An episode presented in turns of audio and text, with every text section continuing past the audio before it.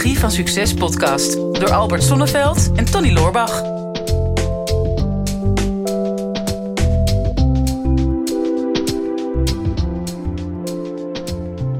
Albert, we hebben echt een vraag binnengekregen. Die is ons op het lijf geschreven. Echt waar? Dan ben ik wel heel benieuwd eh, waar die over gaat. ja, precies. Ja, zou ik mijn trui uitdoen? Want ik heb hem op mijn lijf geschreven. Ja. ik zou hem tatoeëren. nee, we hebben een vraag van eh, Simon Kruisinga. Oplossingsgericht staat er onder zijn uh, naam in LinkedIn. Dus ik denk dat we ook met een hele oplossingsgerichte podcast moeten komen. Maar hij zegt: Hallo Tony, ik luister altijd met veel plezier naar jullie podcast.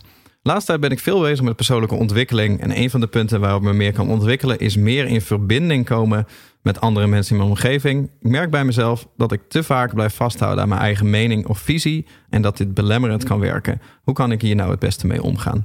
Nou, dat herkennen we natuurlijk helemaal niet. Nee. Nee.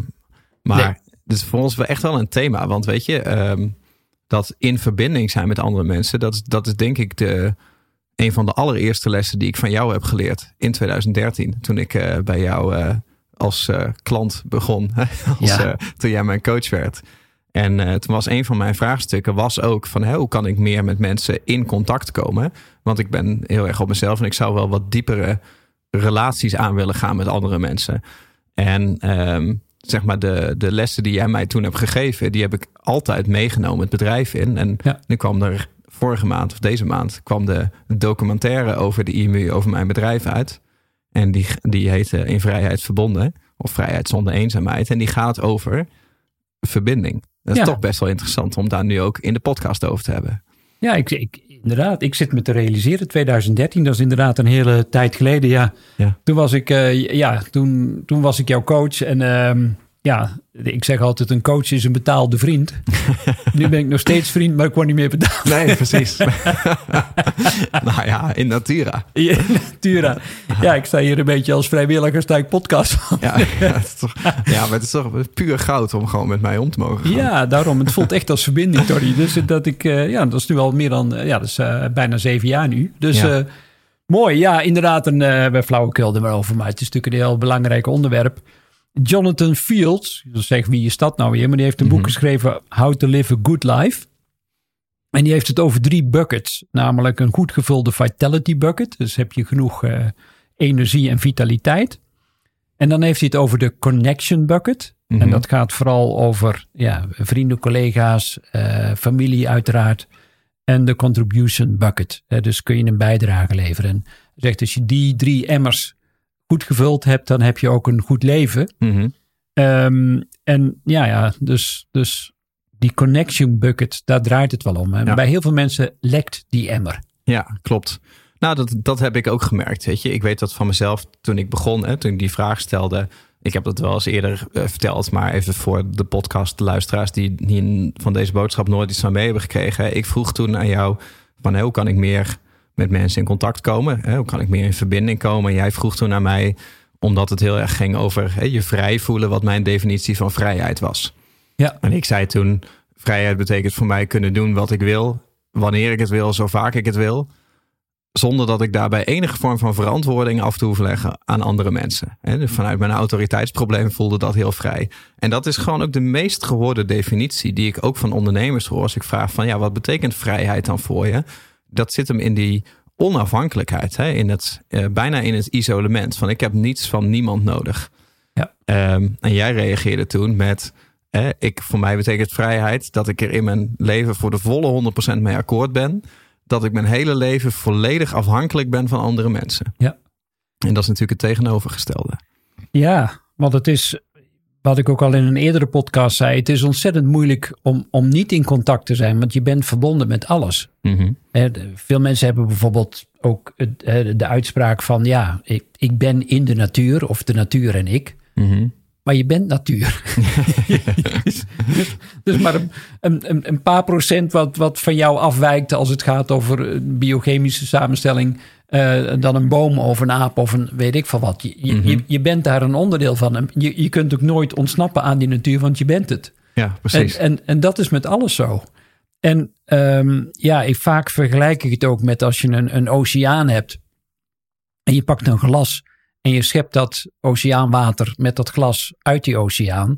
Ja, dan is dat glas de afscheiding tussen het oceaanwater en de, en de rest van de oceaan. Mhm. En tegelijkertijd, ja, het is nog steeds datzelfde oceaanwater. Nog En- steeds een stukje oceaan. En het is nog steeds een stukje oceaan. Alleen, eh, ja, je hebt er zelf voor gekozen om, eh, om dat glas in te zetten, om, eh, ja, om dat af te scheiden van de rest. Ja. En, en zo zit het eh, met mensen ook. Hè. Je, je- je, je kunt je, je ware natuur nooit ontkennen, Mhm. want die is altijd in verbinding. Nou ja, maar het aparte is dat eh, zeker ook als ondernemer eh, zoek je het vaak in. Ik wil onafhankelijk zijn. Hè? Soms dat financieel onafhankelijk. Nou, op een gegeven moment ben je dat. Dan denk je van nou, ik wil eigenlijk liefst geen kantoor. Ik wil geen personeel. Het liefst ook geen klanten. Maar ja, dan, dan, zijn er, dan ben je niet financieel onafhankelijk. Ja, no- noodzakelijk kwaad zijn dat de Ja, dus laten we hem eh, zorg vastgoed kopen anders. Hè? Ja. Of, eh, of aandelen. Dat is helemaal mooi. Dan heb je helemaal niet met andere mensen te maken. Dus je kan volledig onafhankelijk zijn. En ik heb dat ervaren in mijn business. Dat ik financieel vrij was en volledig onafhankelijk was. Maar ik werd daar niet gelukkig van. En ik voelde me ook niet, niet vrij. En het was pas eigenlijk toen ik weer aan een team ging bouwen. En toen ik mezelf ook weer deels afhankelijk maakte van andere mensen. En andere mensen zich afhankelijk maakten van mij. Dat er weer verbinding kwam. Dat ik ook dacht van oké, ik hoef ook niet alles alleen te doen. Eh, want er zijn een heleboel andere mensen die, die, die dat doen. En daardoor voelde ik me wel vrij. En het is wel interessant. Ik heb het, eh, want ik heb nog even nagezocht. Jij hebt mij natuurlijk die les geleerd van vrijheid komt uit verbondenheid. Ik denk ik ga eens even zoeken naar de oorsprong van dat woord. En dat is best interessant. Want we hebben in Europa hebben we eigenlijk twee stromingen. We hebben het Engelse liberty Ja, en het Franse liberté. En dat stamt af van het Latijnse woord libertas. En dat betekent ongebonden, onafhankelijk. Maar we hebben ook het woord vrijheid. En in het Duits vrijheid. Jawohl.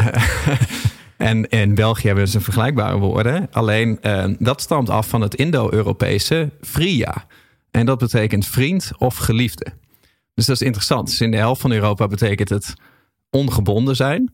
Hm. En in de andere helft betekent het dus letterlijk eh, ja, je geliefde, je vriend, je eh, eh, gebonden zijn. Ja, mooi. Dat, verkla- dat verklaart ook een heleboel waarom dat er eh, op dit moment zoveel toestanden zijn in de EEG. Hè? Want de ene helft die wil juist zich weer afzonderen van de rest. En de juist de andere helft die wil heel graag verbonden blijven. Ja, er zit gewoon heel veel miscommunicatie in verschillende talen. Want weet je, als je tegen een Fransman zegt liberté, dan bedoelt hij vrijheid. En Ja. als zegt een Duitser liberté, dan heeft hij liberté. ja. ja, zo, zo was een grapje die ik laatst tijdens een seminar maakte. En daar was jij niet bij, dat Nee. stuk. Dus ik dacht, die kan ik nog wel een keer maken. In de podcast zeker. Maar ik denk, ja, maar het is wel apart dat het zo dicht bij elkaar ligt. Maar dus dat, letterlijk, dat het woord dus letterlijk het tegenovergestelde van elkaar betekent. Dus Mhm. ongebonden of juist gebonden. Ja. En, en hoe, hoe zit dat dan met ondernemers? Hè? Want aan de ene kant wil je dus, dus vrij zijn, onafhankelijk zijn. Wij zijn het er samen heel erg over eens vanuit vriendschap. Mhm. En dat blijft ook hopelijk nog wel even zo. Precies. eh, dat die verbondenheid juist meer kwaliteit oplevert. Wat, zou, wat is jouw idee dat zoveel mensen, niet in, alleen ondernemers, maar eh, heel veel mensen daar gewoon mee worstelen? Hè? Dat, juist een, een verlangen naar onafhankelijkheid. Ehm, mijn idee, nog voordat je antwoord kunt geven, maar Ja, ja. M- Mijn, mijn idee is, is omdat mensen vaak gefrustreerd zijn in een bepaalde vorm van verbinding. Mhm. Ehm, hè, dus misschien in hun opvoeding dat dat te strak en te streng is geweest. eh, dat de omgeving heel bepalend is geweest voor hun. En dat ze nu het gevoel hebben van nou, ik ga zelf wel eh, bepalen hoe, hoe mijn leven eruit gaat zien. Ik wil zelf die keuzemogelijkheid hebben. Mhm. Of mensen hebben heel lang bij een werkgever gewerkt. Nou, daar wordt ook vaak bepaald. Hè, daar krijg je je taken en je activiteiten en je verantwoordelijkheidsgebieden. Nou, mensen bepalen voor jou, hè, bepalen voor een deel je salaris. Eh, Nou, eh, nou ja, heel veel mensen worden altijd heel zenuwachtig als het gaat over functioneringsgesprekken. Mhm. Hè, eh, of, nou ja, dat weet je wel. Mensen dan zoiets van, ja, maar word ik dan wel goed genoeg gevonden? En gaan Mhm. andere mensen oordelen over mij?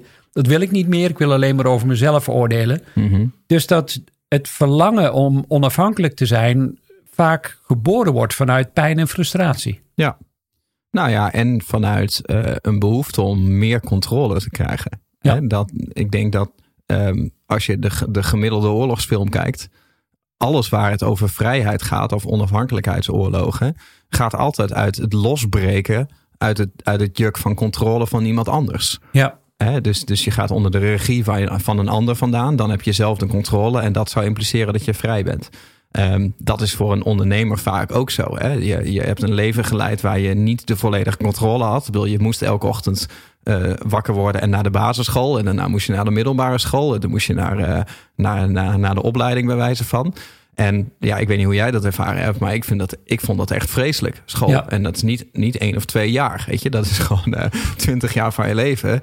Uh, is een aanzienlijk deel van je leven iets waar jij eigenlijk, eigenlijk geen controle op hebt. Ja, hè? Wat, wat van je verwacht wordt.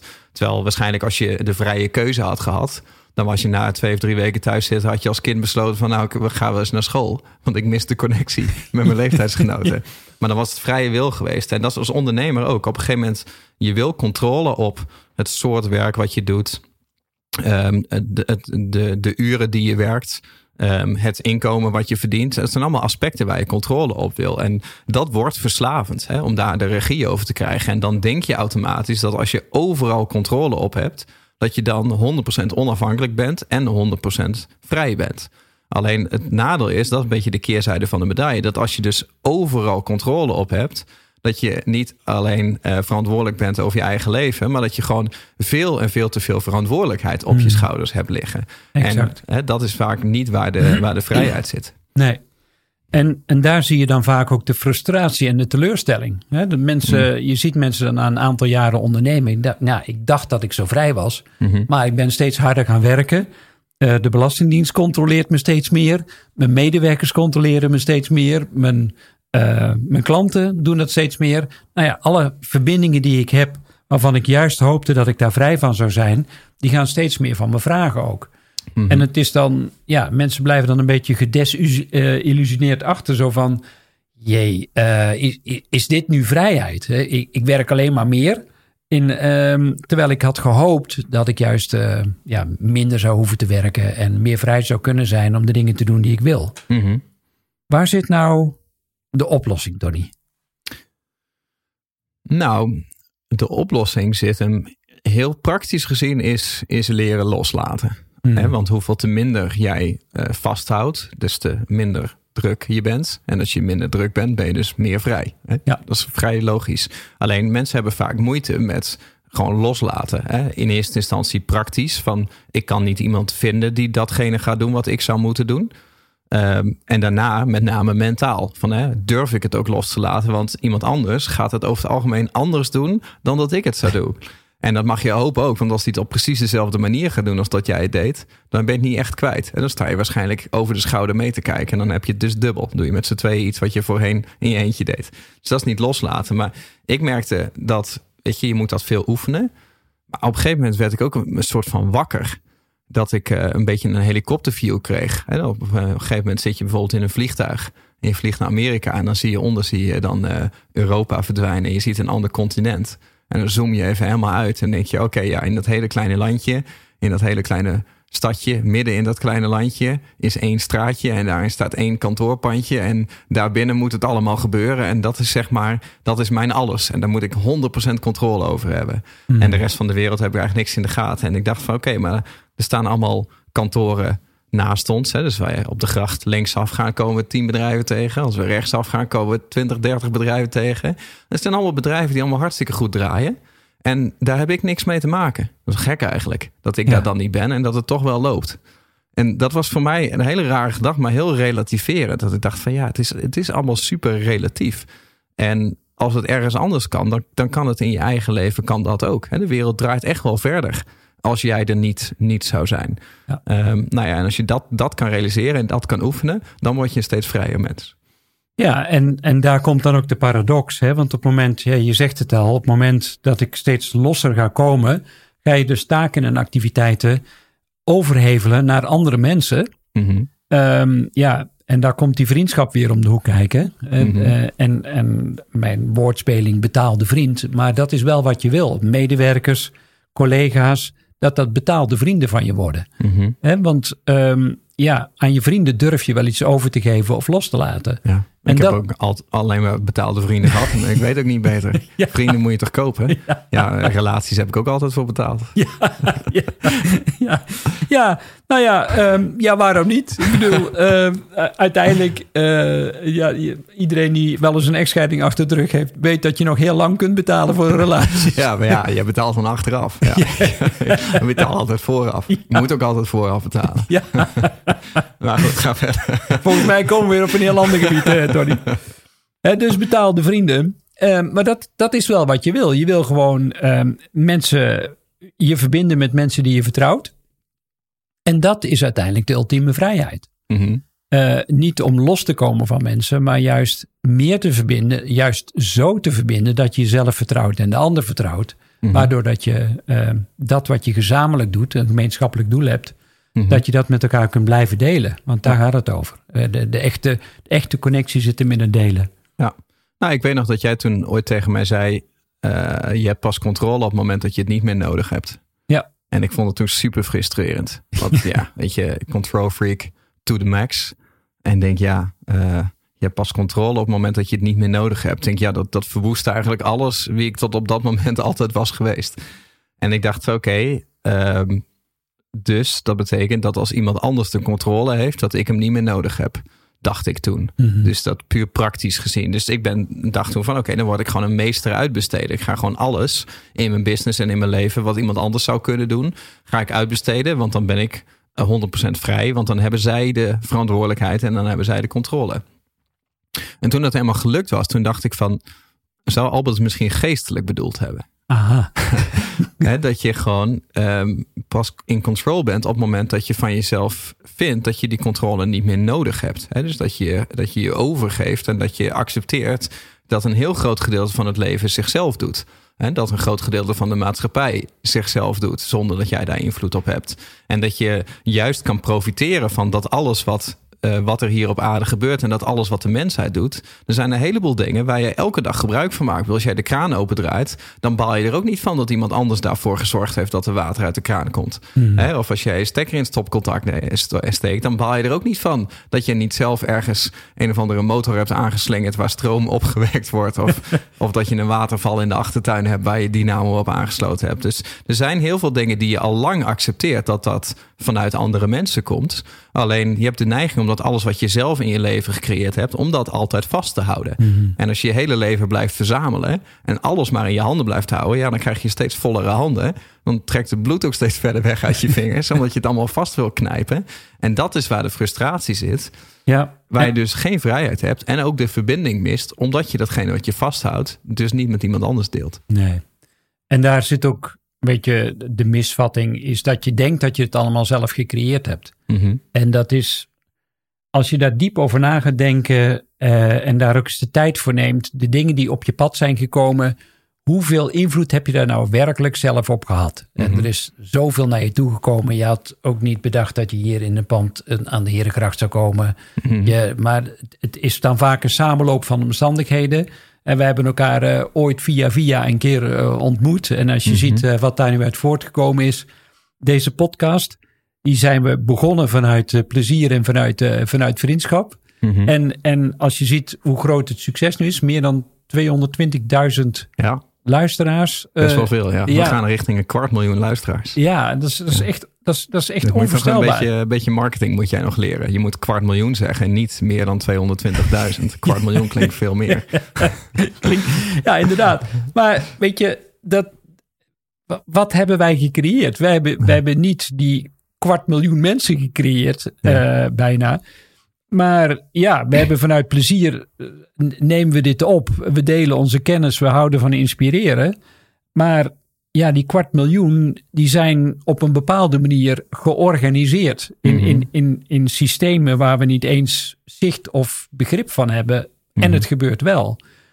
En ja, voor mij is dat altijd iets magisch. Op het moment dat je die magie weer kunt gaan zien. Mhm. Dat je ziet van het leven doet zichzelf en bemoei je er niet te veel mee. Mhm. Ehm, ja, dan, dan kun je veel dieper ontspannen. En in die ontspanning, daar, daar zit echt de vrijheid. Ja, nou en dat brengt ons terug weet je, op de vraag die, eh, die werd gesteld. Van hey, ik, ik, ik wil graag meer in verbinding komen, maar ik blijf heel vaak vasthouden aan mijn eigen mening. Ik denk, ja, dat, dat snap ik heel goed. Want die eigen mening die sterkt jou in je ambitie en in je drive. En die geeft jou zelfvertrouwen. En wees blij dat je zo'n sterke mening hebt. Ja. Ehm, alleen laat je daardoor niet door tegenhouden. En wat ik mooi vond, uh, ik heb hem ook wel eens naar jou gestuurd. Een van de laatste interviews met, uh, met Toon Hermans. Hè, een Ja. filosofisch gesprek heet dat. Mm. Staat wel op YouTube. En dat is, dat is geniaal. Hij legt dan zijn visie op het leven ook uit. Dat hij zich ook overgeeft aan het leven. En in eerste Ja. instantie gaat het over dingen weten. Zegt hij, ja, ik, ik weet niks. Nee. En, en ik wil ook niks weten. Zoals mensen vroeger aan mij liggen, vroegen van wat ligt er aan de Maas.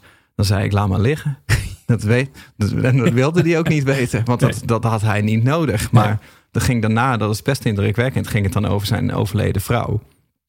En eh, hij zei toen van ja, hij zei er is, er is eh, niemand in mijn leven geweest waar ik ooit zoveel van gehouden heb als van mijn vrouw. Maar dat, is, dat heb ik niet gecreëerd. Dat is een, een genade van het leven. Ja, mooi. Hè, dat is, eh, ik ben het leven niet, maar het leven leeft in mij. Hmm. En dat vond ik zo'n ja, wijze, ontnuchterende uitspraak. Hè? Ja. Dat, je, dat, dat je het zo ver los kan laten. Dat je gewoon onderwerpt aan het feit dat jij gecreëerd bent.